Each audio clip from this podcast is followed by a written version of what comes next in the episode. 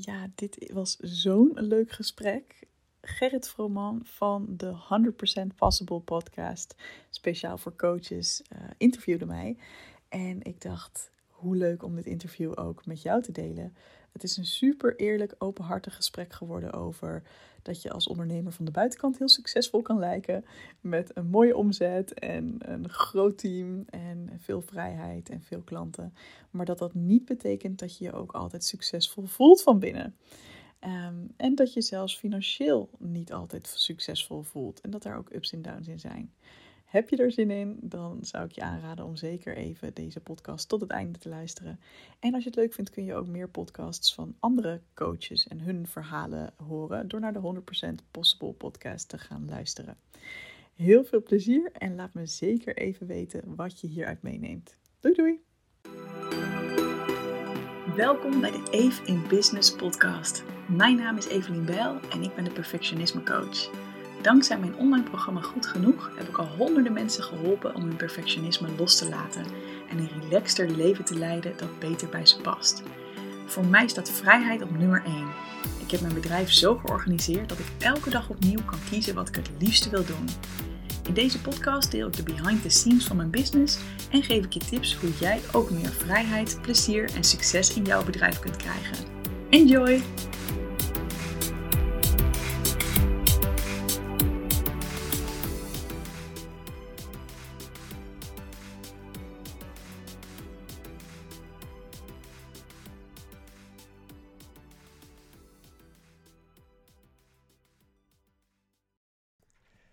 Welkom bij de 100% Possible podcast, Evelien.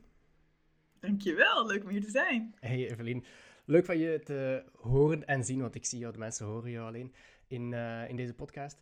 Nu, wij, wij hebben elkaar een aantal jaar geleden ooit een keer ontmoet. Uh, dus, en ik ben je sinds dan ook wel blijven volgen. Heel wat avonturen van jou gezien ook. Dat is het leuke aan uh, Instagram tegenwoordig. Dan zie je waar iemand uh, zo mee bezig is. Maar voor de mensen die jou nog niet kennen, kan je even kort schetsen wie je bent en wat je doet? Ja, tuurlijk. Leuk. ik ben Evelien Bijl en ik ben de perfectionisme coach. Ik wou zeggen, ik ben de perfectionisme podcast. Dat is omdat we nu in de podcast setting zitten. en zo heet mijn podcast. Dus dat is een van de dingen die ik daarin doe. En uh, ik heb ook een eigen online programma, dat heet Goed Genoeg. En daarin help ik mensen om minder streng voor zichzelf te worden en daarmee een relaxter en gelukkiger leven te leiden. En ik mhm. woon verder in Leiden. Uh, heb net vier maanden in Berlijn gewoond, maar ik ben nu weer een tijdje terug. Dus uh, ja, dat is wie ik ben en wat ik doe. Alright. Dus jij coacht um, mensen die perfectionisme hebben dus jij, jij, je noemt jezelf de perfectionisme coach. Is, is heb je zoiets van, oké, ik ben, ik sta aan de top. In Nederland ben ik de enige of de, of de beste of gewoon de top perfectionisme coach? Ik vind het heel leuk dat je dat vraagt. Dat, jij bent de eerste die daar naar durft te vragen.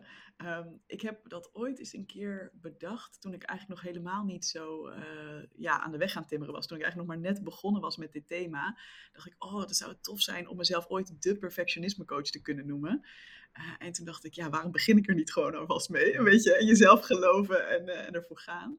Um, waar het voor mij meer voor staat is dat ik gewoon heel bewust heb gekozen voor dat thema. En dat ik daar gewoon heel erg achter sta van, hé, hey, dat is wat ik doe, dat is wat ik je kan bieden. Wil trouwens niet zeggen dat ik niet ondertussen ook nadenk over andere thema's hoor. Want ik ben ook iemand die wel weer door nieuwe dingen geïnspireerd kan raken. Maar ik vind het gewoon lekker helder. En ik denk dat dat het vooral is dat ik hou van heel veel focus en helderheid.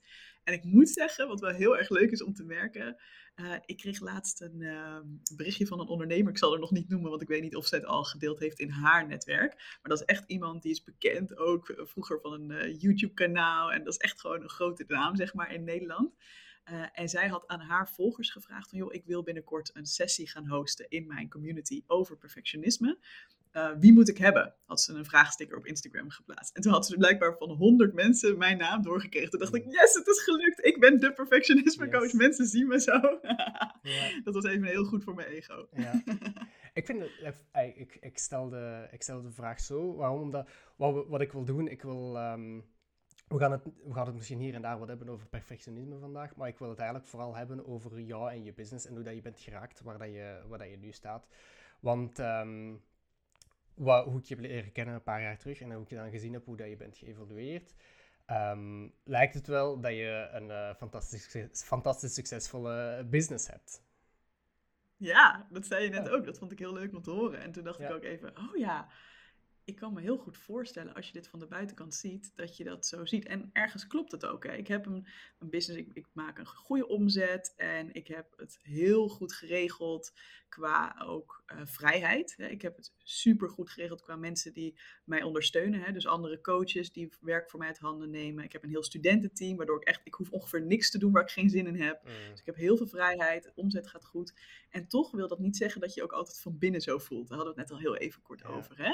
Ja. Uh, zowel... Kunnen we, kunnen we even die, sorry. je zegt de mooie omzet, kunnen we daar even een, cijfer op plakken? Ja, ja, tuurlijk. Uh, afgelopen jaar heb ik uh, ruim 130.000 euro omgezet. Nou, dat is natuurlijk een supermooi bedrag, waarvan ik echt... Nou, in de tijd dat ik jou leerde kennen, ik denk dat dat 2019 was, toen kon ik daar denk ik alleen maar van dromen dat dat mhm. ooit zou gaan gebeuren. Dat was echt, uh, ja, ik heb, ik heb ook ooit wel eens aan het begin van mijn onderneming op een briefje geschreven. Ik zou ooit over 20 jaar 100.000 euro willen omzetten in een jaar. En toen was het echt al veel sneller. Ja, ja, ja, zo'n idee hè. Van, uh, dat is natuurlijk heel veel geld. Dus dat zou ik ooit willen bereiken. En dan merk je ineens dat het sneller kan gaan dan je denkt. Ja, en dan merk je ook ineens dat 100.000 euro niks van al je problemen oplost. Wat je ooit gedacht hebt.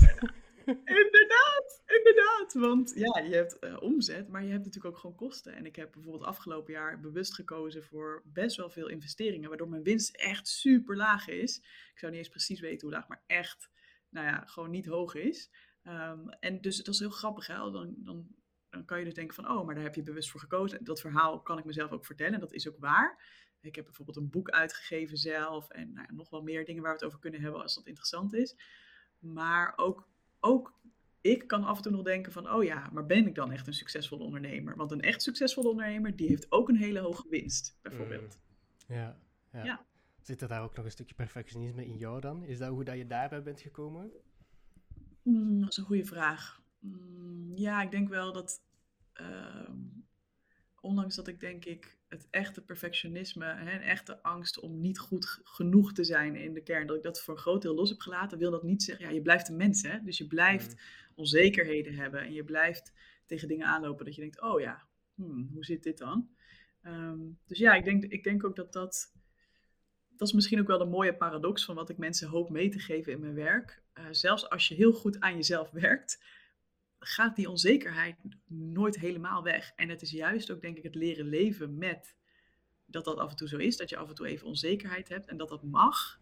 In plaats van dat je denkt, ik moet mij altijd goed voelen en ik moet me altijd zelfverzekerd voelen. En oh, wat is er mis met mij als ik me even onzeker voel? Ja, ja. En ik denk dat dat iets is wat, uh, als we kijken naar hoe, ehm, als we kijken naar andere ondernemers, hè, bijvoorbeeld naar jou of bijvoorbeeld andere mensen waar, naar wie we opkijken, uh, misschien zijn dat Amerikaanse, Nederlandse, Belgische ondernemers, ondernemers of onderneemsters, dan lijkt het altijd alsof alles fantastisch goed gaat, alsof alles uh, gesmeerd loopt, alsof de, de miljoenen komen binnenstromen of de honderdduizenden. En um, ja, wat we vaak niet zien is dat ondernemen echt wel een rollercoaster is en dat vaak op en neer gaat. En dat uh, Zeker. Ja, de, de pieken kunnen hoog zijn, maar de dalen kunnen ook, uh, kunnen ook diep gaan. En, um, en ik denk dat dat iets is dat, dat mag genormaliseerd worden dat dat er is. Want het is niet zoiets van, oké, ja, alleen maar praten wanneer de successen er zijn en alleen maar die mm. gaan delen, maar echt gewoon, ja, ook misschien eens gaan kijken van oké, dit was een moment waarop het minder goed gaat. En daar, daarover durven uitspreken. En ik denk dat dat, ik denk dat er wel ehm, een soort van gemoedsrust kan geven aan andere ondernemers, wetende dat het niet bij iedereen altijd perfect gaat. Ja, fijn dat je dat zegt inderdaad. Ik ben het daar heel erg mee eens. En, ehm, en het, het, het lastige ook aan ondernemerschap daarin is denk ik dat uh, maar eigenlijk gold dat ook wel voor toen ik nog in loondienst was. Er hangt denk ik toch nog een beetje een stigma op. Van, oh jee, maar als ik uitspreek dat het niet allemaal alleen maar roze geur en maneschijn is, um, dan ben ik minder aantrekkelijk voor potentiële klanten. Ik denk dat heel mm. veel ondernemers dat ook wel voelen. Van, oh jee, ik moet vooral laten zien hoe goed mijn leven is. Want ik ben toch het voorbeeld waardoor ze dan mijn programma gaan kopen of zo. Hè? Ja. En um, en dat heb je misschien trouwens in loondienst ook wel hoor. Dat je denkt, dat heb ik ook wel gehad. Dat ik dacht, als ik aan mijn collega's laat zien of aan mijn leidinggever laat zien dat het niet goed met me gaat. Ja, dan, dan vinden ze me zo meteen niet goed. Hè? Dus daar hangt denk ik nog best wel wat schaamte ook op. Uh, gewoon laten zien van, hé, hey, ik ben een mens en ik ga door dingen heen. En het is inderdaad niet allemaal perfect. Ja. Ja, dat is wel heel gezond, denk ik. Ja, en ik denk wat we, als we zo van, van als buitenstaander kijken naar anderen en iemand heeft, toont even een kwetsbaar moment, geeft even toe van, ja, dit is even niet zo goed gegaan of uh, ik heb het even moeilijk, dan, dan vinden we het altijd heel krachtig. En dan zijn we zo van onder de indruk, zo van, oh, en zo van, oh, wat, wat mooi, uh, hoe, hoe, hoe leuk dat je dit even deelt, maar om dat dan zelf te gaan delen, dat vinden we dan ook wel heel, uh, heel kwetsbaar exact. en heel moeilijk. Um, ja. Maar ik denk dat we, dat we daarin net kunnen gaan kijken van oké, zoals jij opkijkt naar iemand anders, zijn er altijd mensen die opkijken naar jou ook. Hoe groot of hoe klein dat je ook bent, wat, je omzet ook is. Zal is er maar één iemand die je kan inspireren, denk ik dat het wel de moeite is om eens te gaan uh, vertellen over misschien niet alles dat altijd even goed gaat. Um, je, je zei daarnet over iets dat spannend was. Ik, uh, en je zei ook van, ja, ik ben perfectionisme coach. Maar dat is niet het enige thema waar ik, waar ik over nadenk of waar ik mee bezig ben. Hoe voelt dat voor jou om enkel, alleen maar de perfectionisme-coach te zijn? Was dat, was dat een bewuste beslissing? Was dat iets wat je bent ingerold? Is dat iets wat, wat je moeilijk vond? Zo echt zo heel specifiek daarop gaan. Hoe was dat voor jou? Ja, dat is een hele leuke vraag. Dat neemt me inderdaad weer een beetje mee terug naar het begin van mijn ondernemerschap en die hele reis.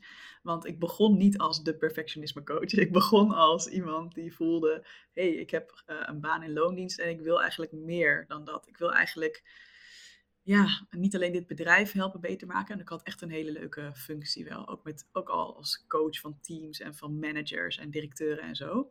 Um, ik voelde, ik wil eigenlijk meer doen. Maar dat was nog heel breed. Dus ik dacht meer gewoon, iedereen die een doel wil bereiken, daar kan ik je wel bij helpen. Ik ben wel zo gefocust, uh, zeker in die tijd heel erg van ja, gewoon lekker pragmatisch, lekker dingen aanpakken, daar kan ik je bij helpen. Dus toen, mijn bedrijfsnaam is dus ook doelgerichte coaching. Ja, nu, now it makes sense. nu begrijp je het, want het slaat natuurlijk nergens op met de perfect. Eigenlijk zou ik gewoon Evelien Bel de perfectionismecoach.nl moeten hebben of zo.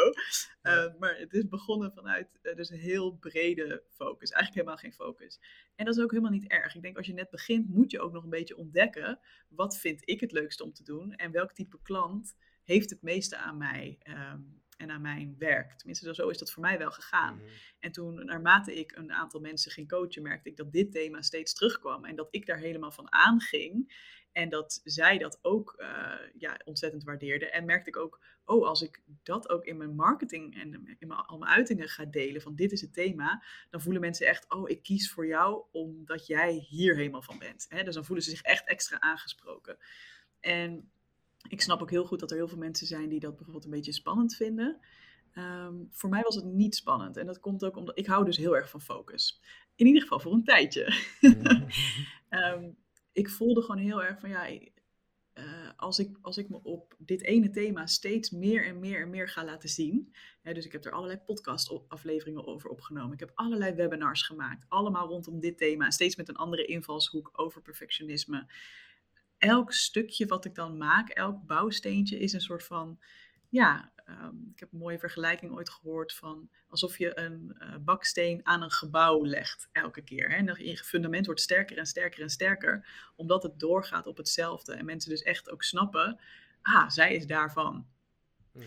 En dat heeft me denk ik ook zeker uh, opgeleverd dat ik na een aantal jaar daar echt de vruchten van ging plukken. En zeker toen ik ook bijvoorbeeld durfde te gaan investeren in dingen als Facebook advertenties en ook business coaching en dat soort zaken, dat het toen echt ging vliegen. Omdat dan al die, die energie en die in, uh, input die je daar al jaren in hebt gestopt, of nou ja, eigenlijk was het niet jaren, maar nou ja, een jaar of twee of zo, ja.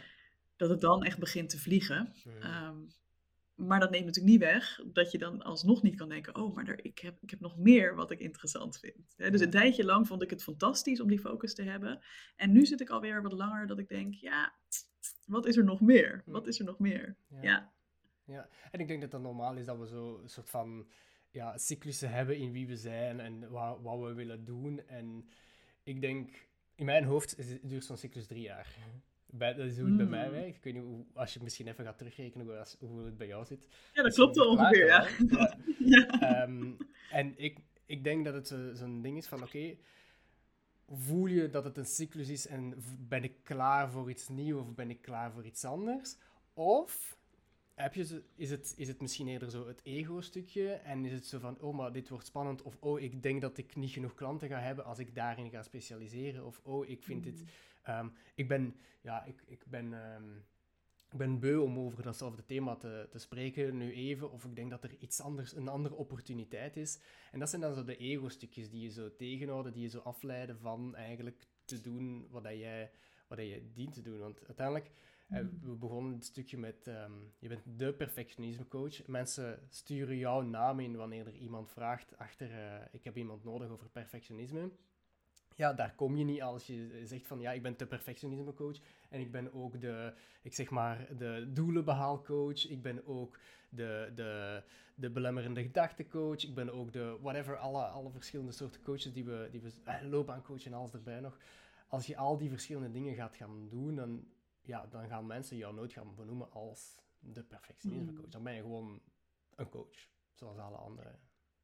Klopt, en tegelijkertijd, dus dat heb ik zelf ook heel erg gevoeld en dat het mij heel veel gebracht heeft. En ik denk ook, als je dit nu luistert en je bent iemand die eigenlijk wel voelt van, er is één thema dat me heel erg aanspreekt, of er is één soort klant waar ik helemaal blij van word, dan is dit denk ik een hele goede weg om jezelf toestemming te geven van, ga er maar voor, durf, durf maar te kiezen. En tegelijk zie ik ook wel voorbeelden van mensen die super succesvol zijn. Het zijn er niet veel, maar die wel ehm, een bredere focus hebben. En Mhm. die gewoon meer vanuit alles wat zij doen. ehm, ik, ik, weet niet of je bijvoorbeeld eh, Charlotte van het Woud kent. Mhm. Ehm, dat is ook een Nederlandse ondernemer. En ja, die is begonnen met iets van hè, vergaderlocaties eh, verhuren. Heel leuk, in haar, in haar eigen huis. Uiteindelijk heeft ze daar ook een ander bedrijf naast gezet van cursussen voor ondernemers. Want het ondernemerschap ging haar heel goed af. En zij is de ontdekker of de bedenker van Instagram cursussen. Ehm, inmiddels gaat ze weer in een andere business omdat ze in Amerika woont. En ik weet niet eens wat ze gaat doen. Maar dan denk ik, ja, dus het is ook weer niet van eh, dat er, er maar één weg is naar succes. Ja. Ik denk wel inderdaad dat voor heel veel mensen geldt dat het ehm, makkelijk is, zeker om een tijd lang te kiezen van oké, ik ga nu even helemaal hiervoor en kijken wat dat oplevert. In plaats van dat je eigenlijk voordat je er überhaupt echt voor durft te gaan, alweer afgehaakt bent en naar weer nog een ander onderwerp bent gegaan. Ik denk inderdaad dat het wel Ja. een tijdje te denken, oké, full focus lekker hierop. Ehm, of in ieder geval, eh, ja, full focus kan ook zijn dat je alsnog een deel van je tijd aan iets anders moet besteden wat nog loopt. Hè? Maar gewoon dat je, dat je wel op dit thema waarvan je denkt, ja, dit vind ik te gek, dit spreekt me aan, dat je daar wel echt alles aan geeft ook. Ja. Ja. Wel krachtig. Wat ik heb gemerkt is dat de mensen die, ehm, die wat breder zijn, zullen we het zo zeggen, bijvoorbeeld Cindy Charlotte, is dat die, ehm, dat waar ze nu zijn, niet de plek is waar ze zijn begonnen. Vaak zijn ze heel wat specifieker begonnen dan, dan, dan nu. Hè. Ik bedoel, we hadden het over haar, ja, zei net haar vergaderlocaties, dat waren er een aantal Instagram-cursussen. Ehm, ik denk dat we daarin, daarin... Dat is een pad dat ik wel zie en dat is een pad dat, wij, dat ik ook heb afgelegd. Hè, want toen dat we toen we elkaar leerden kennen, dan was, stond ik vooral, en ja, elke, en elke en ik begonnen toen net samen te werken. Ik, had, ik, ik was al een paar jaar, eh, ze, ze noemden mij de Facebookman, hè. Dat was Facebook en social media was echt een specialiteit toen en dat was echt waar ik op focuste. En eh, dat is ook gewoon nu heel, heel veel meer verbreed. En we zijn breed in wat we aanbieden, maar we zijn heel specifiek in voor wie het is. Hè. We zijn, Ja, wij zijn er voor, voor coaches. Dus dat is ook een, een manier om te gaan, te gaan specifiek gaan zijn van oh, is het in wat je aanbiedt of is het in voor wie je het aanbiedt. En bij jou is het dan perfectionisme en ik neem aan dat dat dan voor een hele brede waaier aan mensen is. Correct me if I'm wrong. Ehm, Ja, het is wel, ik heb wel een redelijk specifieke doelgroep, denk ik. Het is wel eh, de, de hoogopgeleide vrouw over het algemeen, hè, een beetje tussen de 20 25 45.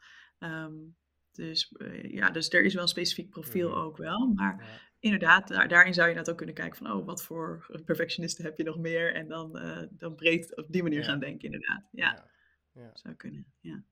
Oké.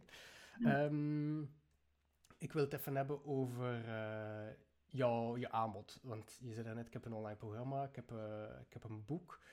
Hoe, ehm, laten we even hebben over het online programma eerst. Want ehm, heel veel mensen denken zo van, ah, ik ga een online programma maken, dat, dat, gaat, dat verkoopt zich vanzelf. Hè. Zo lijkt dat toch bij, toch bij anderen, dat brengt miljoenen op. Eh, hoe was dat voor jou? Ja, leuk dat je dat zegt, want ik zie dit ook inderdaad wel gebeuren. Ehm, zo werkt het niet. dat is in ieder geval, nou ja, laat ik het zo zeggen. Dat is niet hoe het bij mij gegaan is. Ja. Ehm, ik ben ook niet begonnen met een online programma. En ik denk dat, het, eh, dat heel veel mensen dat ook onderschatten hoe waardevol het is om eerst echt je klant heel goed te leren kennen. We hebben het hier nu tegen coaches, dus ik mag het ook over coaches hebben. Ehm, hoe waardevol het kan zijn om echt jouw doelgroep uh, te leren kennen. En voor mij ging dat op een manier dat ik eerst echt één op één mensen ging coachen. Nou, wat ik net vertelde al, dat was eerst nog heel breed, maar dat werd steeds duidelijker van oké, het gaat over dit onderwerp. Toen ben ik, toen dat een beetje duidelijk werd, daar een groepsprogrammaatje omheen gaan uh, bedenken. Met, nou ja, de eerste ronde denk ik, weet je wel, vier deelnemers. Mm. En dan had ik de combinatie van... Of zo. nou ja, dat was wel iets, iets meer, maar inderdaad, gewoon, uh, gewoon nog niet waar ik nu ben. Zeg maar. Volgens mij was dat iets van 800 euro of zo, 750. Dus ik durfde al wel wat te vragen. Ja, en dan was het acht gesprekken en twee groepsworkshops zaten daar dan bij. Um, dus dat was alsnog best wel veel één op één tijd ook. En um, na een paar van dat soort groepen gedaan te hebben, dacht ik van, oh ja, maar nu zie ik ook, dat, dat had ik pas toen door, welke weg leggen eigenlijk al deze mensen af? Hè? Dus waar beginnen ze als ze bij mij komen? Waar staan ze dan? En waar komen ze uiteindelijk terecht en welke stappen zetten we eigenlijk elke keer weer? Dus met welke tools kom ik elke keer in dat traject om ze van A naar B te helpen? En uh, zo ben ik dus ook begonnen aan mijn online programma, zeg maar, om dat te maken. Mm. Um, en dat heb ik ook op die manier doorverbeterd door te kijken van, oké, okay, dus ook in mijn online programma heb ik in eerste instantie zelf nog elke twee weken of zo, weet ik het, een uh, groepscoachingschool gegeven om zelf te zien, oké, wat speelt hier nou? Wat is hier nou? Waar lopen mensen tegenaan? En ook na afloop, waar, waar zitten nog de dingetjes waar het nog niet helemaal lekker gaat? En hoe kan ik mijn programma dan weer verbeteren, zodat dat, zeg maar, Ehm, ja, zodat ze er nog meer aan hebben. En van daaruit ben ik pas ook uh, op een punt gekomen dat ik andere coaches ben gaan inschakelen om voor mij de coaching te doen. Want ik geloof heel erg dat ik het eerst altijd zelf moet zien en doorleven van, oh ja, dit is de vraag, dit is wat er nodig is. En dan pas kan ik ook bijvoorbeeld het in een programma gieten. Of dan pas kan ik er hulp bij vragen. Ja. ja dus dat is best een, een heel ding. Als je dan hebt over verkoopt het zichzelf, nee, natuurlijk niet. nee, absoluut niet. Nee, dat is echt gewoon uh, werk. ja, maar, kan je even een beeld, beeld, geven van wat jij allemaal gedaan hebt, of je mee geëxperimenteerd hebt, of, of, geprobeerd hebt om het online programma te verkopen in de voorbije jaren? Ja, zeker. Ja, ik heb um, uh, online challenges gegeven.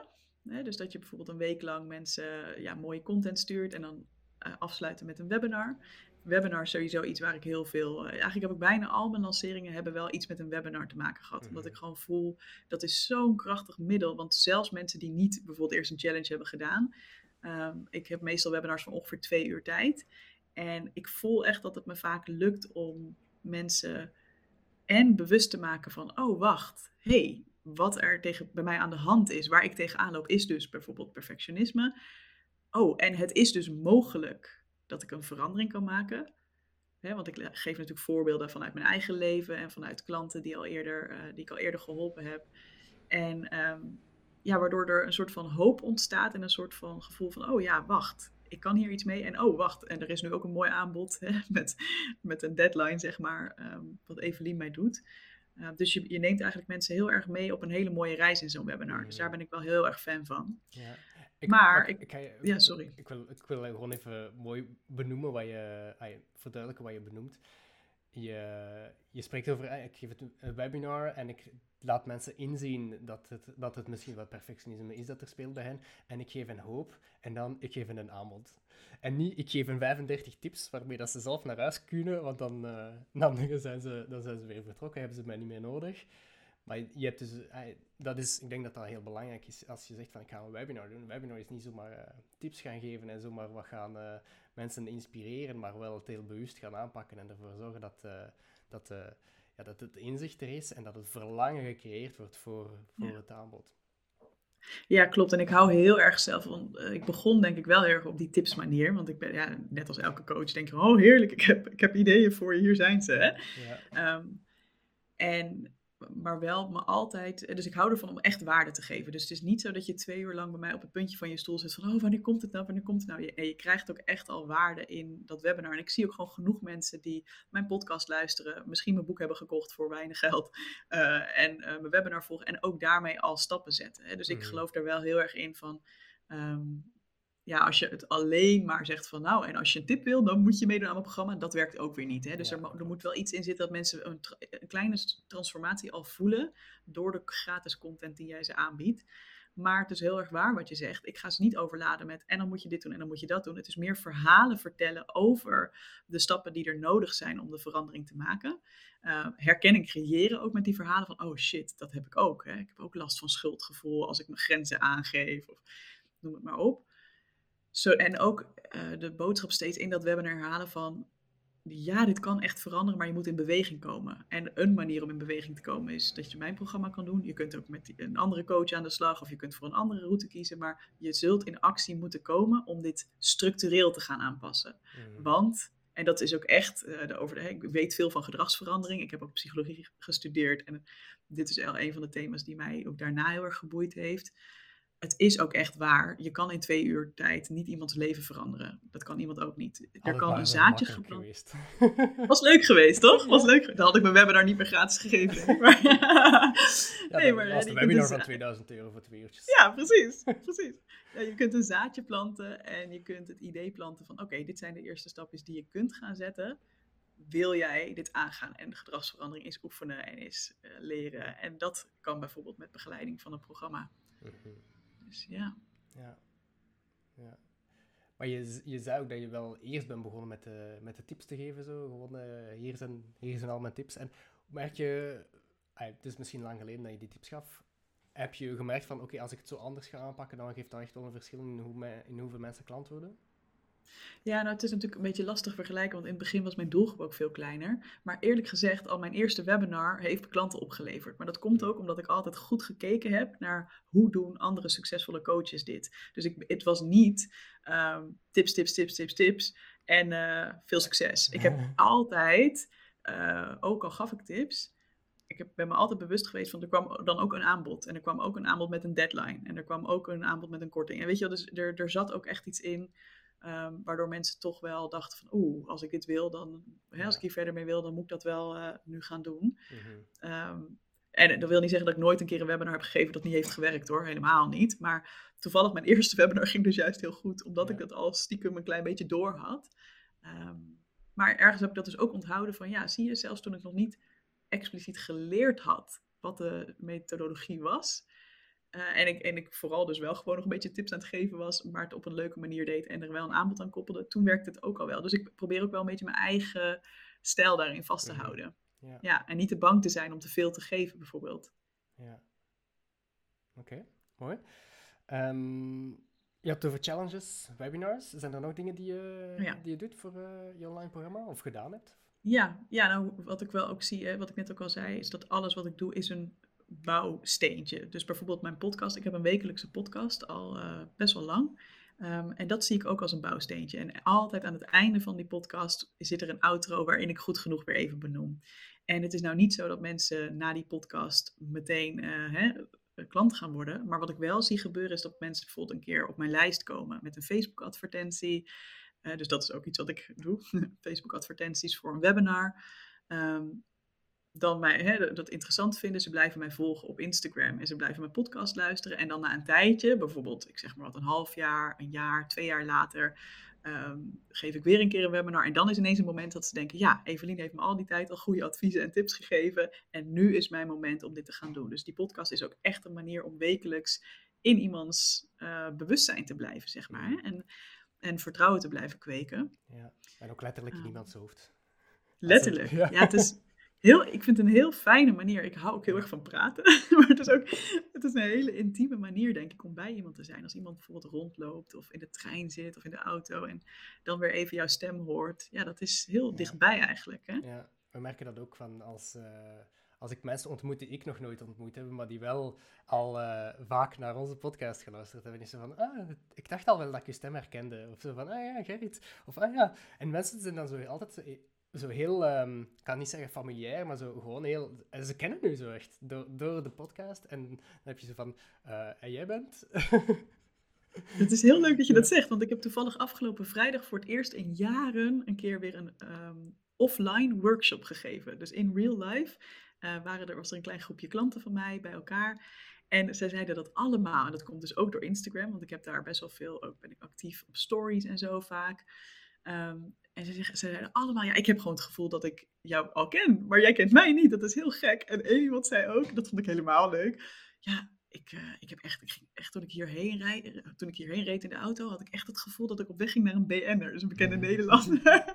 en ik zo, oh, dat vind ik super leuk om te horen, want dat was natuurlijk altijd mijn droom. Dus dankjewel dat je mijn droom hebt laten uitkomen. Ja, maar dat komt gewoon puur doordat ze je zo kennen al. Ja. ja. Ja, en doordat je consistent bent gaan opdagen in die podcast en dat je hebt gezegd van oké, ik ga hier die content gaan creëren, ik ga eens gaan kijken hoe ik mensen kan inspireren. Ja, ja, ja. en dat is wel mooi ook misschien als we het dan toch over die podcast hebben en ook over Instagram stories. Um, en voor mij is het misschien makkelijk, want mijn boodschap is: het hoeft niet perfect te zijn. Dat past letterlijk bij mijn branding. Maar ik denk dat dat wel ook aan andere coaches een, uh, een oproep is. Weet je, niet elke week. Um, ik, ik, maak trouwens niet mijn podcast elke week zelf. Het is meer dat ik um, af en toe even een aantal podcasts achter elkaar opneem.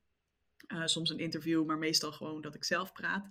Over, hè, dus ik verzamel gewoon onderwerpen eigenlijk uh, zo door de weken heen. Van, oh, hier zou ik een podcast over kunnen maken en hierover ook. Um, en dan maak ik er gewoon een paar achter elkaar. En ja, verder heb ik het ook goed geregeld. Ik hoef er verder niks aan te doen. Dus mijn studententeam gaat het helemaal editen en zo. Dus dat maakt het ook wel heel makkelijk. Maar wat ik er eigenlijk het belangrijkste aan vind om te zeggen is: niet elke aflevering vind ik briljant. Mhm. Gewoon heel eerlijk. Soms is het ook gewoon dat ik denk: oh ja, er moet even wat. Ja, dit is op zich een goed onderwerp. Ik doe het gewoon. Let's go. En want ik weet namelijk de seconde dat ik ga eisen van mezelf dat het elke keer echt een fantastische podcast is, dan ga ik niet meer wekelijks opdagen. En dat is ook een keuze, hè? Want uh, iemand die we net al noemde, Charlotte van het Woud, die heeft bijvoorbeeld helemaal niet elke week een podcast. Die heeft er een aantal over een onderwerp en dat gaat ze helemaal mooi de diepte in en fantastisch afediten en geweldig, ja, gewoon echt super veel waarde daarin leveren. Dat is ook een keuze. Maar ik heb gekozen nu voor, oké, ik hou er heel erg van om gewoon wekelijks weer er te zijn. Um, het is even een momentje, mensen kunnen weer even luisteren. En ja, het zal je verbazen hoe waardevol soms een aflevering waarvan jij denkt, hmm, was dit nou briljant? Hoeveel dat toch nog weer voor iemand kan betekenen die denkt, oh, dat was precies even wat ik moest horen vandaag. Dus dat is wel mijn, uh, mijn insteek hierin en mijn keuze hierin ook. Ja doe het nog steeds met je smartphone zo, maar ik weet dat je dat in de tijd, uh, in het begin deed. Hè? Gewoon op je smartphone had je een app om uh, gewoon zo op te nemen. Ja, iedereen die een Apple-telefoon heeft of een iPhone, uh, ik heb gewoon de dictafoon-app, gebruik ik nog steeds. Ja, Gerrit, jij hebt me net gezien met mijn microfoon. Ik, ik gebruik hem eigenlijk gewoon niet. ja, want ik vind het gewoon gedoe. Ik vind het fijn dat ik het heel makkelijk kan doen op mijn mhm. telefoon. Soms ga ik er wel eens voor zitten, maar ja, ik vind het ook wel lekker dat je gewoon je telefoon vast hebt. En het is ook een beetje alsof ik tegen een vriendin een voice memo inspreek. Daar ben ik ook echt dol op in WhatsApp. Hè? Dat je gewoon, hoe gaat het met je? Nou, dit is hoe het echt met me gaat. En dan vertel ik het in plaats van dat ik het typ. Nou, dat is een beetje ook hoe ik mijn podcast inspreek. Ja, ja. En het past natuurlijk perfect in het, uh, in het geen perfectionisme verhaal. Maar ik denk dat het wel voor iedereen past. Want uiteindelijk, ja, je bent nu de perfectionisme coach. Dus ja, het zou maar bizar zijn moest jij perfect zijn in alles wat, wat je doet.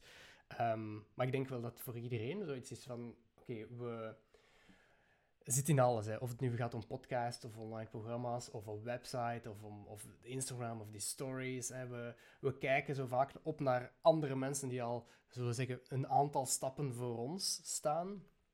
En dan uh, zien we van, oh, die podcast, zo'n mo ah, zo mooi intro-muziekje. En dan zitten zo tussenin wat muziekjes door. En dan wordt er zo uh, mooi, uh, nog mooi dit en dat tussen gedaan. En dat, dat klinkt zo vlot. En dan hebben we zoiets van, ja, dan, hoe kan ik dat ooit gaan evenaren? Wel, ja, hoe evenaar je dat? Is door gewoon te beginnen waar je nu staat. En hoe, hoe zeggen we dat soms? Uh, je moet eerst slecht zijn in iets om er goed in te worden.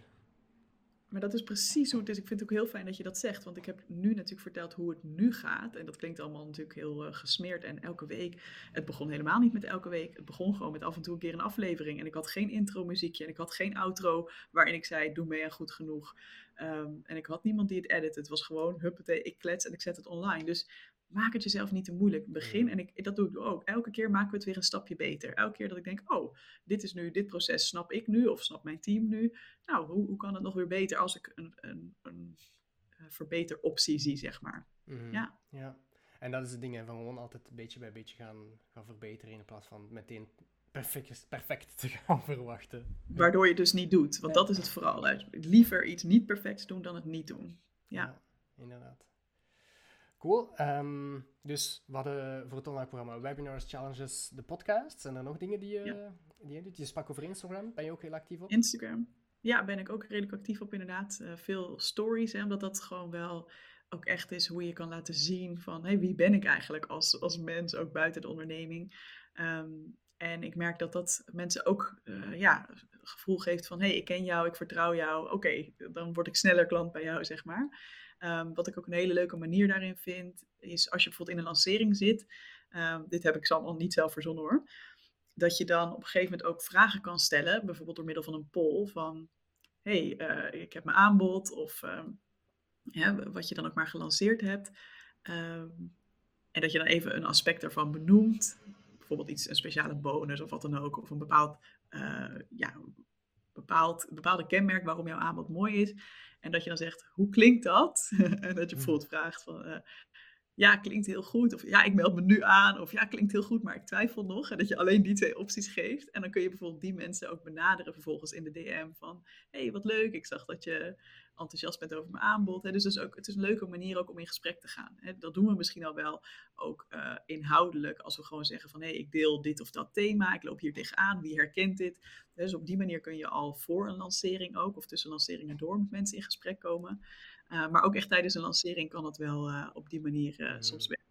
Ja, ja mooie, mooie manier om ze de, de stap tussen, tussen jou en, en, en de mensen te verkleinen. Want het is heel gemakkelijk om te gaan antwoorden of te stemmen op een poll. En dan jij die dan eigenlijk, um, ja, ik ga, ik ga zeggen, bijna wanneer dan jouw bericht binnenkomt, dan is het heel logisch. En is het zo niet van, van waar komt dit? Dan is het heel logisch. En dan is de match er echt, want je hebt zo een startpunt. Tegenover, ja, als je zo, uh, of als mensen zo, jou zouden moeten gaan e-mailen, dan moeten ze al gaan zitten, computer, uh, toetsenbord erbij halen, typen. Dat is een heel andere, heel andere ja. energie, een heel andere... Ja, precies, ja. precies. Ja. dus dat is wel, uh, en ik deel daar ook gewoon veel over mijn, mijn leven buiten het bedrijf om. Dus Instagram zeker ook interessant, ja. Ja, ik, ik heb altijd zo'n beetje zo'n een voyeurisme gevoel bij, bij de Instagram stories. En ik weet dat dat, dat is zo dat, dat, is net interessant, hè? mensen kijken graag mee achter de schermen. Ze zien graag wat er, wat er leeft bij jou, wat, uh, wat je mee bezig bent. En ja. Ja, ik vind altijd wel... Zo, voor mij, voor mij persoonlijk, ik, ik, ben, ik ben niet iemand die me bezighoudt uh, uren per dag met stories maken. Ik probeer ik wel zo af en toe hier en daar een beetje. Um, maar ik zie ook wel hoe, hoe waardevol het is om heel veel achter de schermen te gaan delen en heel veel... Um, die persoonlijke stukken die je, die je beslist om te laten zien, mm. um, dat mensen daar heel veel aan hebben. Ja, precies. En ik, eh, ook daarin is het denk ik wel een keuze van, ja, doe je gewoon even uh, een story omdat het moet achter de schermen van, oh, dit is mijn lunch, of weet je wel. Dat, dat schiet niet zo op. Maar ook hierin, het heet niet van ik stories. Dat heb ik, is ook iets wat ik geleerd heb hoor. Um, dus dat je, dat je kan nadenken over, hey, wat, welk verhaal is hier interessant om te vertellen? En soms is het gewoon omdat het heel grappig is, of omdat het hè, uh, ja, een soort van menselijke kant laat zien, of omdat het spannend is, of wat dan ook. Um, entertainment is denk ik ook wel heel belangrijk daarin. Maar daar moet je net wel zin in hebben. Ik vind het best leuk. Ik ben wel een beetje een entertainer, dus ik kan er wel van genieten soms. Uh, en soms is het juist ook heel, heel waardevol dat je bijvoorbeeld iets over je vakinhoud deelt. Um, maar ik heb ook wel periodes, en dat is nu bijvoorbeeld, nu ga ik even door een hele heftige uh, persoonlijke periode heen. Mijn uh, relatie, mijn nieuwe relatie, is net uitgegaan een week geleden. Ja, dan ben ik even niet helemaal in een mood om heel veel te delen. Terwijl ik ook weet, um, ik deel juist ook wel de dingen die niet goed gaan. Hè? Dus het is niet een soort van vermijding van, oh, ik pas als ik weer perfect gelukkig ben, ga ik wat delen. Nee, ook hierover ga ik wat delen. Maar gewoon wanneer ik eraan toe ben. Wanneer ik het gevoel heb van, ja, ik kan hier, ik kan hier wat mee. Ik, ik heb hier wat ruimte over. Misschien gebeurt het vandaag al wel hoor. Ik voel dat het een beetje af begint te nemen in heftigheid. Um, ja, ja, dus dat, ik maak daar ook wel keuzes in inderdaad. Van wanneer voelt het voor mijzelf goed en wanneer niet. En je voelt je niet verplicht om nu te gaan opdagen, ook al heb je minder, Precies. Uh, minder periode. Ja, en ik denk dat het wel heel belangrijk is om die grenzen te kunnen behouden voor jezelf. Van ik beslis wanneer ik opdaag. En niet uh, omdat het moet of omdat het algoritme het zegt of omdat mensen zeggen je moet minstens zeven stories per dag gaan maken of whatever dat, dat, de regels zijn. Precies. Nee, dat, zo, zo werkt het voor mij in ieder geval absoluut niet. Hoe meer regels ik heb over mijn dag en mijn week, uh, ook zo'n idee van dat je bijvoorbeeld een contentkalender moet hebben en dan moet je zoveel plaatsen. Nou, dat, dat werkt voor mij absoluut niet. Daar word ik heel rebels van. Dus het moet echt goed voelen, anders dan begin ik er niet aan. Mhm, mooi. Goed. Um, zijn er nog zo dingen die je doet van, uh, voor je marketing of voor, je, voor de verkoop? Ehm, nou ja, mijn boek is eigenlijk ook één grote marketingtechniek. Ah, ja. ja. 100 procent. Ja, daar wou ik, Ehm, wou ik je eigenlijk ook achter vragen van. hoe- Want Ja, het, Ja. je sprak daarnet ook van, eh, mensen kopen het boek voor weinig geld en kunnen daar, daar dan mee aan de slag. Maar ik neem aan dat het ook wel leidt naar, naar het programma dan. dat is zeker het idee in ieder geval. En ik, ik vind het nog, eh, ik vind het wel grappig. Ik kan nog niet helemaal terughalen of het ook echt precies al zo werkt. Maar in ieder geval de insteek was, eh, het is een boek 50 tips om je perfectionisme los te laten. Nou, achteraf gezien, misschien heb ik gewoon al te veel tips gegeven. En is het daarmee gewoon een beetje dat mensen denken, oh, ik ga het eerst eens even zelf toepassen. Maar wat ik wel bewust heb gedaan, is dat ik ook. eh, het is opgebouwd in vijf hoofdstukken. En dat zijn ook precies de vijf stappen van mijn online programma. En na elke stap, na elk hoofdstuk, ehm, heb ik ook een klantverhaal over iemand die mee heeft gedaan aan goed genoeg. Dus daar zit de verwijzing naar mijn programma in. En er zitten ook een aantal gratis resources in die mensen online kunnen doen. Dus bijvoorbeeld nog een, een webinar of iets wat ze kunnen volgen en oefening, et cetera. Ehm, en daarvoor komen ze dus op mijn e-maillijst als ze dat doen. En daarmee kan ik ze natuurlijk weer inspireren en ook weer uitnodigen voor een live webinar. Dus, hè, dus zo zit de connectie er naar, eh, naar mijn programma in. Ik moet zeggen dat ik tot nu toe nog niet heel veel resultaten ervan zie. Mm. Dus dat is ook even heel eerlijk. Hè. Ik had natuurlijk wel ergens gedacht van, oh, te gek. Het, is nu, het was twee keer binnen twee maanden uitverkocht. Het, ik begon ook met dat ik het zo ongeveer gratis weggaf. eh, dat mensen het alleen tegen verzendkosten konden, konden krijgen. Ehm, en dat ging toen echt veel harder dan ik had verwacht. Dat was echt binnen no time waren de eerste, wat was het, duizend boeken of zo op. Ehm, en nu wordt het wel gewoon verkocht voor, ik geloof, 22 euro. Ehm, en, eh, en alsnog, het loopt wel door de verkoop.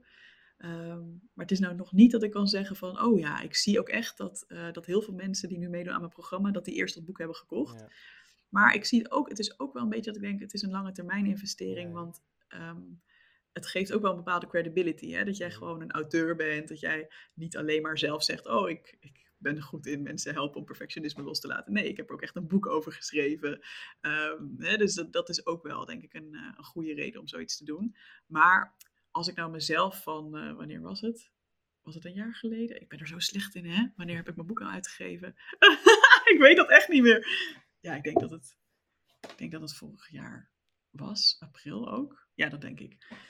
Als ik mezelf nou advies zou moeten geven van ja, zou je het nou nog een keer doen? Want ik heb dat allemaal zelf gefinancierd. Hè. Ik, eh, ik ben met een partij in zee gegaan die eh, Expertboek heette zij. Een hele fijne partij. Die precies hierin eh, gespecialiseerd zijn. Dus ondernemers helpen om een boek uit te brengen. Dus dat was heel fijn, want dan ja, wist ik veel hoe je dan dat, naar de drukker moest. En hoe je dat dan ook echt een officieel boek krijgt met een ISBN-nummer en zo. Wist ik veel. Dus daar hebben ze me allemaal bij geholpen. En de redactie en gewoon de inhoud van het boek ook.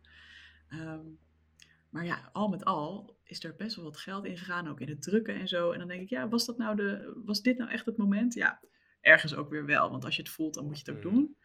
Maar ja, ik weet, het heeft het nu nog zeker niet opgeleverd in geld. Ja. Maar goed, wie weet op de lange termijn wel, hè? Ja. Nee, ik vind, ik vind Ja. het interessant, want ehm, in, onze, in, in onze MAC, de Marketing Academie voor Coaches, dan helpen we... Wat we gedaan hebben, is we zijn gaan kijken wat zijn een aantal fases in hoe dat je groeit als coach. En er zijn heel veel coaches die zo de, het, idee hebben van ik wil een boek schrijven, er, er zit een boek in mij. En ik geloof dat we in de eerste drie, vier fases zeggen van oké, we weten dat je een boek wilt schrijven, maar het is nu financieel nog niet interessant om een boek te gaan schrijven. En ik denk dat we ik denk dat we van zodra dat we aan de, aan de 200.000 euro omzet per jaar zitten, dat we zoiets hebben van als je nu een boek wilt schrijven, ja, kun je, kun er wel over beginnen denken. En ik denk dat dat is, en ehm, waarom? Omdat je, je om een boek te verkopen heb je een bepaald volume nodig. Het is natuurlijk, eh, de prijs van een boek ligt, als je boek meer dan 30 euro kost, is het, is het een fucking duur boek. En dus dat daar zit je met, met een bepaalde prijslimiet. En ehm, ja, er, is, er komt heel veel logistiek bij kijken. Er zijn de, de- een een boek drukken kost uiteindelijk ook niet zoveel geld per boek. Maar ja, het is uiteindelijk wel... eh, ja, het boek moet verzonden worden. Ik bedoel, ehm gaat er de helft waarschijnlijk niet van over, van zo'n van zo'n boek. Ik weet Nee, het, want Elke heeft destijds ook boeken gemaakt voor paleo.be. En eh, ik denk dat is zoiets van, oké, een boek dan, dat we die hoge volumes gaan, gaan behalen. Ik zag op je website dat je er hè, meer als, je spreekt net uit 1000 verkocht, dan nog eens 1000, eh, meer dan 2000 verkocht al. Oké, maar die volumes die haal je niet wanneer je, wanneer je net start. Ja, dus klopt. Mensen denken van ja, een boek kost maar 25 euro. Maar ja, als je niet een bereik hebt, als je, niet, als je mensen niet kan bereiken met de info over dat boek, ja, dan, dan zit je daar met whatever hoeveel dozen boeken dat je Precies.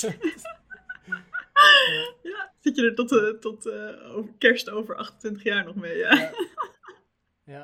En uh, nee, ik vind, ik, vind, ik vind het leuk, want uiteindelijk, je, ik weet dat je, je bent goed in marketing ook, hè. Dat is, dan, en ik weet, je hebt daar heel bewust over nagedacht, over dat boek, hoe, hoe past dat in heel, in heel het idee? En dan is er zo altijd zo de, de, de tweestrijd zo van, oké, er is de Evelien die, die zegt van, dit boek moet mij goed genoeg hè, het online programma klanten opleveren. En dan is er zo de, de coach Evelien die zegt van, ja, dit boek moet goed zijn, moet waardevol zijn. En dan wordt dat ergens zo, ik kan niet zeggen een, een, een strijd, maar ergens zo een, uh, ja, een, een consensus. En kan ik mij... Ik zie je knikken, dus... ja, leuk. Het is leuk. Het voelde zeker niet als een, als een strijd toen ik het maakte. Maar ik zie achteraf inderdaad wel van... Uh, dat, op zich heb ik beide doelen er wel ingestopt, denk ik. Want daar mhm. zit echt heel veel waarde in, ook hè, vanuit coach Evelien. Uh, ik denk dat ook marketeer Evelien er inderdaad best wel goed over na heeft gedacht.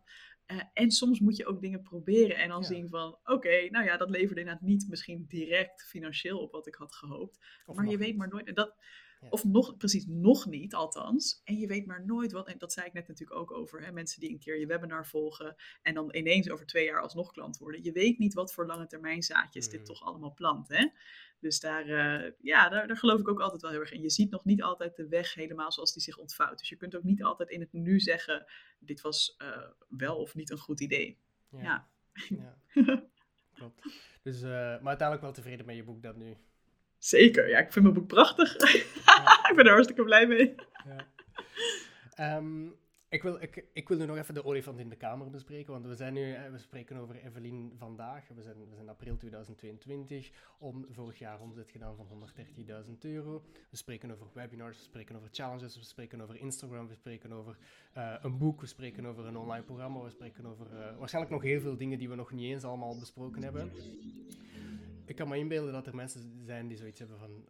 Oh, maar uh, als ik die dingen allemaal moet gaan doen, ja, waar is dan... Waar haal ik die tijd? Of waar is dan de tijd om met mijn klanten aan de slag te gaan? Hoe is die evolutie geweest voor jou? Want ja, dit is wat je nu hebt en doet. En ja, dat boek, het is geschreven. Dan, ik bedoel, daar heb je nu geen, geen werk meer aan. Hoe is die evolutie geweest voor jou naar, naar dit punt? Ik vind dat het aller, allerleukste om over te hebben. Dus ik ben heel blij dat je die vraag stelt. Um, het is begonnen met um, alles zelf doen. Uiteraard, iedereen begint denk ik met alles zelf doen. En dat is natuurlijk ook helemaal niet verkeerd. Hè? We beginnen met, uh, zeker als coaches hebben we vaak gewoon een inhoudelijk thema wat ons hart sneller doet kloppen. Of een verlangen om mensen te helpen. En uh, daar beginnen we gewoon eens mee met gesprekken met mensen bijvoorbeeld. Um, zo ook bij mij. En ik had al wel op een gegeven moment door van, hmm, oké, ik, ik ik ben duidelijk, eh, als ik zeg maar een succesvol coachbedrijf wil hebben, moet je niet alleen coach zijn, dan heb je nog heel veel meer aspecten van een bedrijf die dan moeten groeien. En toen heb ik het boek The E-Myth gelezen. Ken je dat hmm. toevallig? Ja. Ja? Ja, Michael E. Revisited. Gerber. The, E-Myth Revisited, ja. Michael E. Gerber of Gerber, dus G-E-R-B-E-R. En uh, daarin zat een opdracht van maak eens een organigram van alle rollen die jouw bedrijf nodig heeft om echt te kunnen gaan groeien. En het zullen soms misschien dingen zijn die je nu zelf al doet. Het zullen soms misschien dingen zijn waarvan je denkt: oh, als ik meer tijd had, dan zou ik ook aandacht hier en hier aan besteden. Maar schrijf het allemaal maar eens op. En zet overal jouw naam bij, als het is wat jij nu op, aan het doen bent. En dus eh, nou, bovenaan CEO Evelien. Ehm, marketing in de vorm van, uh, nou ja, weet ik veel, een podcast maken. Evelien. Podcast manager, de social media manager, ja. Precies, social media, Evelien. Uh, community manager, Evelien. Dus overal, ik had op een gegeven moment al tien rollen opgeschreven. Overal stond mijn naam bij. En dat was het inzicht. Holy moly, vind je het gek dat ik af en toe moe ben? En vind je het gek dat mijn bedrijf nog niet echt aan het vliegen is? Want ik ben al die dingen tegelijk een beetje aan het proberen. En het allermooiste was, de dag daarna werd ik wakker en ik dacht, oh, ik ben nog vergeten op te schrijven dat ik ook mensen coach. Dus dat was natuurlijk echt ontzettend grappig. Want ja, dat was op dat moment echt de kernactiviteit van mijn bedrijf. Hè? Dat is hoe we het vaak zien. Ik ben coach en daarnaast. Maar ik heb, ik heb me altijd een beetje een, een vreemde eet in de bijt gevoeld. Het was meer dat ik dacht, oh, ik vind het bedrijf heel tof. En nou ja, toevallig was het dan ook coaching waar ik mee bezig was. Uh, maar toen dacht ik helemaal van, oké, nou hier moet ik hulp bij gaan vragen. Want anders, het is logisch dat jouw bedrijf niet kan groeien. Want jij hebt als mens maar beperkte tijd en energie. Dus als jij overal de beperkende factor bent, ja, dan kan jouw bedrijf maar zo hard groeien als hoeveel energie je toevallig op dat moment hebt. Ja, dat, vond ik, dat zag ik ook wel in van, nou, dat gaat niet werken. En zo ben ik langzaam maar zeker begonnen met hulp inschakelen. Eerst in de vorm van dure VA's, weet je wel, die uh, nou ja, 50, 60 euro per uur vragen. Uh, en dan hè, begon ik met twee uurtjes per maand en dan vond ik dat al heel spannend. En oh, mm-hmm. uitbesteden en uh, oh, geld hier aan uitgeven. Maar ik voelde wel steeds meer en meer van ja, als ik mijn bedrijf serieus wil nemen en het niet een bedrijfje wil laten, maar er echt gewoon van wil kunnen gaan leven, dan moet ik dit groter gaan aanpakken. En op een gegeven moment is er bij mij de knop omgegaan en had ik ineens een inzicht: waarom huur ik geen studenten in? Want eigenlijk het werk dat die VA's voor mij doen, is best wel, het zijn eigenlijk de repeterende taken die ik zelf doe. Dus denk aan dingen in administratie bijhouden. Denk aan ehm, een podcast uploaden. Nou, hè, denk aan een social media post inplannen. Of even iets in een e-mailprogramma zetten. Het zijn repeterende taken die als ik dat één keer goed opneem in een videootje, dan kan een student dat prima doen. Dat zag ik gewoon ineens voor me. En zo ben ik langzaam maar zeker uitgegroeid met een bedrijf dat dus hè, uh, ja, dat allemaal studenten heeft. En ik ben op een gegeven moment zelfs een van die studenten gaan promoveren tot manager van de andere studenten. Want ik kreeg natuurlijk de, hele van die vragen van, waar is de inlog van Facebook ook alweer? hey, ik kom er niet in. Even dacht ik, ja, zit ik, ben ik alsnog ermee bezig. Dus een van die uh, studenten is fantastisch. Helene, zij is nu ook degene die echt bij mij in dienst is. Uh, met de andere mensen heb ik een andere overeenkomst, zeg maar. En zij stuurt dat gewoon aan. En net zo met coaches, hè, dat ik dus voelde van, oké, als ik me echt wil richten op de groei van dit bedrijf, dan kan ik niet de enige zijn die zich ook inhoudelijk met mijn klanten bezighoudt. Dan wil ik daar hulp bij, zodat er altijd ondersteuning is voor die mensen, voor mijn klanten. En zodat ik bijvoorbeeld een boek kan schrijven, of zodat ik weer een webinar kan ontwikkelen en dat ik bezig kan met nieuwe klanten binnenhalen. Ehm, en ook de coördinatie van die coaches, dat stuurt ook dan Helene aan, zeg maar. Dus dat er bijvoorbeeld een planning gemaakt wordt van wanneer is er welke coach komt met welk onderwerp.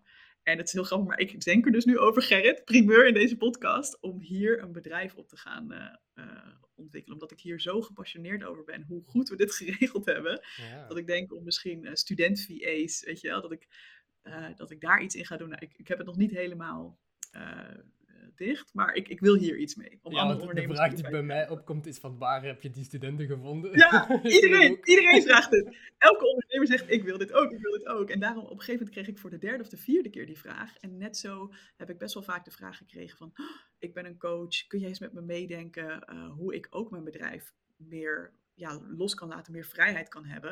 En ik vind het heerlijk. Ik vind niks leuker dan meedenken met coaches of andere ondernemers van hoe kun jij ook die vrijheid creëren? Waar mm. zitten de dingen waar jij echt jouw toegevoegde waarde in hebt? Ehm, waar, welke taken wil jij absoluut zelf doen en moet je ook zelf doen? En welke dingen zijn eigenlijk allemaal heel goed door iemand anders op te vangen? Ofwel een andere coach, ofwel een, eh, een student, of misschien een ander type werknemer.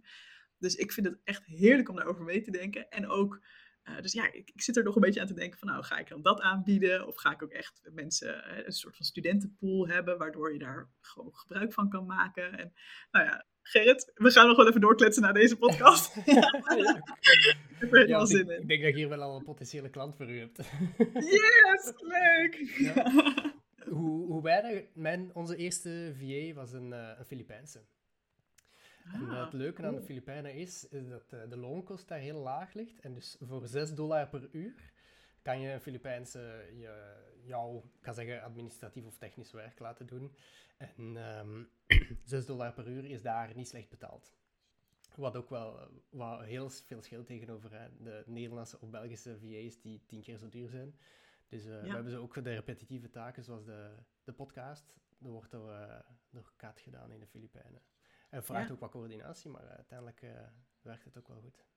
Ja, super. Ja, nou precies. En um, het fijne natuurlijk aan, uh, aan dit is dan weer hè, de, dat ze gewoon ook bijvoorbeeld, ze doen ook mijn klantenservice. Dus zij kunnen ook heel goed mijn mailtjes beantwoorden. En um, hè, dus de dingen waarvoor je misschien mensen nodig hebt die Nederlands spreken, nou dan, dan mm, is een student ja. uh, VA ja, is wel wat.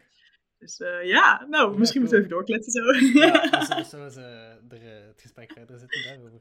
Hey, tof. Um, en dit, dit vind ik, ik vind het wel interessant hoe, dat je, hoe dat je het benoemt, hè, want je bent gaan kijken, eigenlijk ik doe al die rollen. Als, als we nu ons organigram bekijken, en we zijn, we zijn met, met eh, een team van vijf nu, is ehm, ja, er zijn zeker twintig rollen te vervullen, twintig verantwoordelijkheden. En we zijn met vijf verdelen we die onder ons elkaar. En vroeger was dat elke en ik die, die alles deden. En de keer dat je beseft van, oké, al die dingen moeten eigenlijk gebeuren. En ofwel doe ik ze, ofwel gebeuren ze niet. En is er daar een reden waarom het niet groeit? Ja, dan is er plots van, als je dat durft en kan gaan inzien, en dan, dan, word je niet meer de, dan ben je niet meer coach, Evelien, maar dan ben je de CEO, dan ben je de ondernemer. En dan ben je gaan kijken naar van, oké, wat, is, wat is er hier belangrijk? Wat heeft dit bedrijf nodig? En dan wordt het groter dan jezelf. Want eh, je, het gaat niet meer om, om Evelien. En dat, dat, klinkt misschien raar om te zeggen, van, eh, want daar straks sprak je over, misschien moet ik gewoon evelienbijl.nl, eh, is dat de naam van het bedrijf?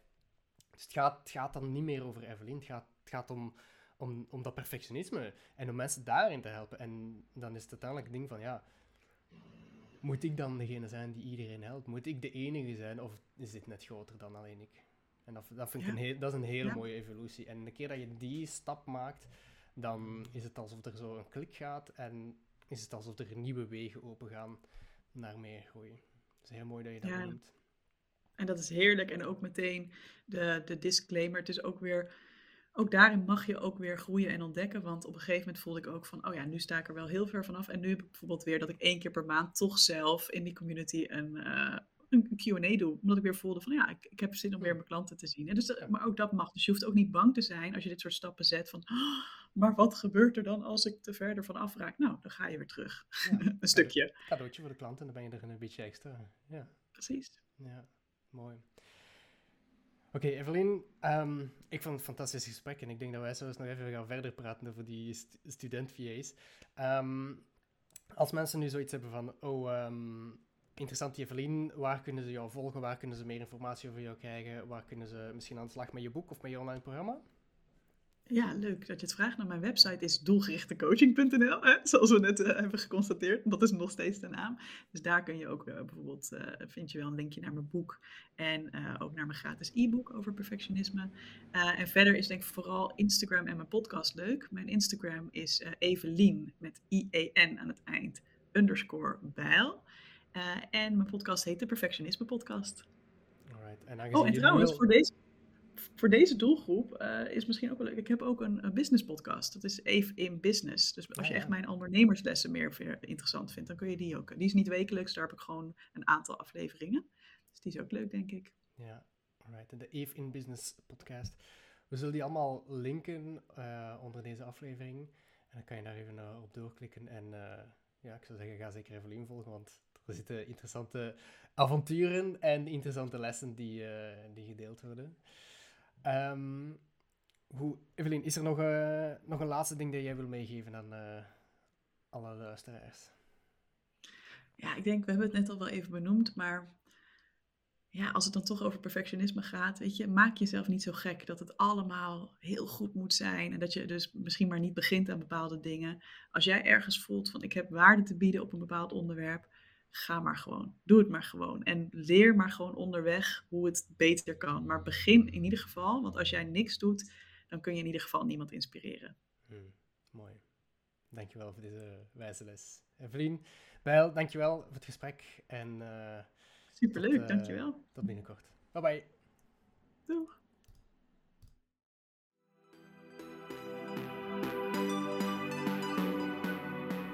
Wil je meer tips over ondernemen vanuit vrijheid? Vraag dan gratis mijn e-book aan op doelgerichtecoaching.nl/slash ondernemen. En ik zou het ook heel gezellig vinden als je je abonneert op deze podcast. Of als je misschien zelfs een screenshot van deze aflevering wilt delen in je Instagram stories. Alvast bedankt en heel graag tot de volgende keer.